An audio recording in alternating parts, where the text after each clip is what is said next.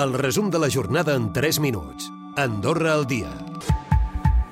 6.253 electors han votat per la via judicial en dues setmanes a la Batlia.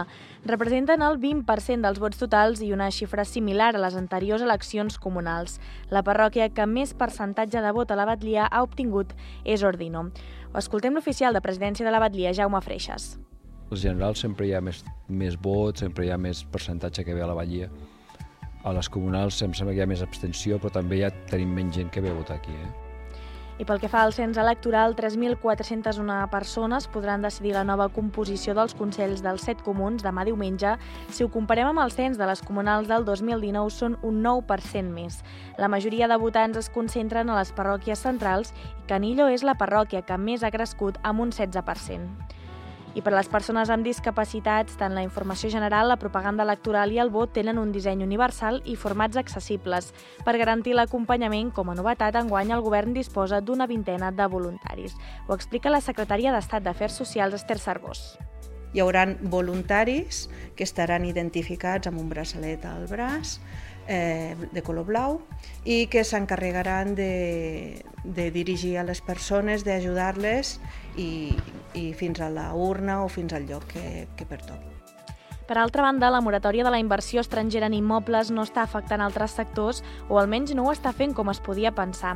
És el que asseguren els notaris. Alguns creuen que Andorra continua sent un país atractiu i es manté entre els inversors. Escoltem el president de la Cambra de Notaris, Joan Carles Rodríguez no ha contaminat la moratòria immobiliària als altres àmbits. No hi ha pànic, eh, sinó que s'estan simplement retardant la inversió per d'aquí al temps, setmanes, mesos, en què la inversió estrangera doncs, canvi, continuï, però d'una altra manera diferent, doncs potser amb més imposició, potser amb algun tipus de eh, limitació o no. Veiem, tampoc eh, veiem cap tipus de, de moviment, eh, de, diguem-ne, de excessiu de, de mala fama del país i el parc fotovoltaic de Grau Roig no ha aconseguit generar els 1.400 megawatts anuals d'energia com s'havia previst. El motiu que no va funcionar a ple rendiment fins a l'abril i des de FED asseguren que si el parc hagués funcionat al 100% des del gener s'hauria assolit l'objectiu.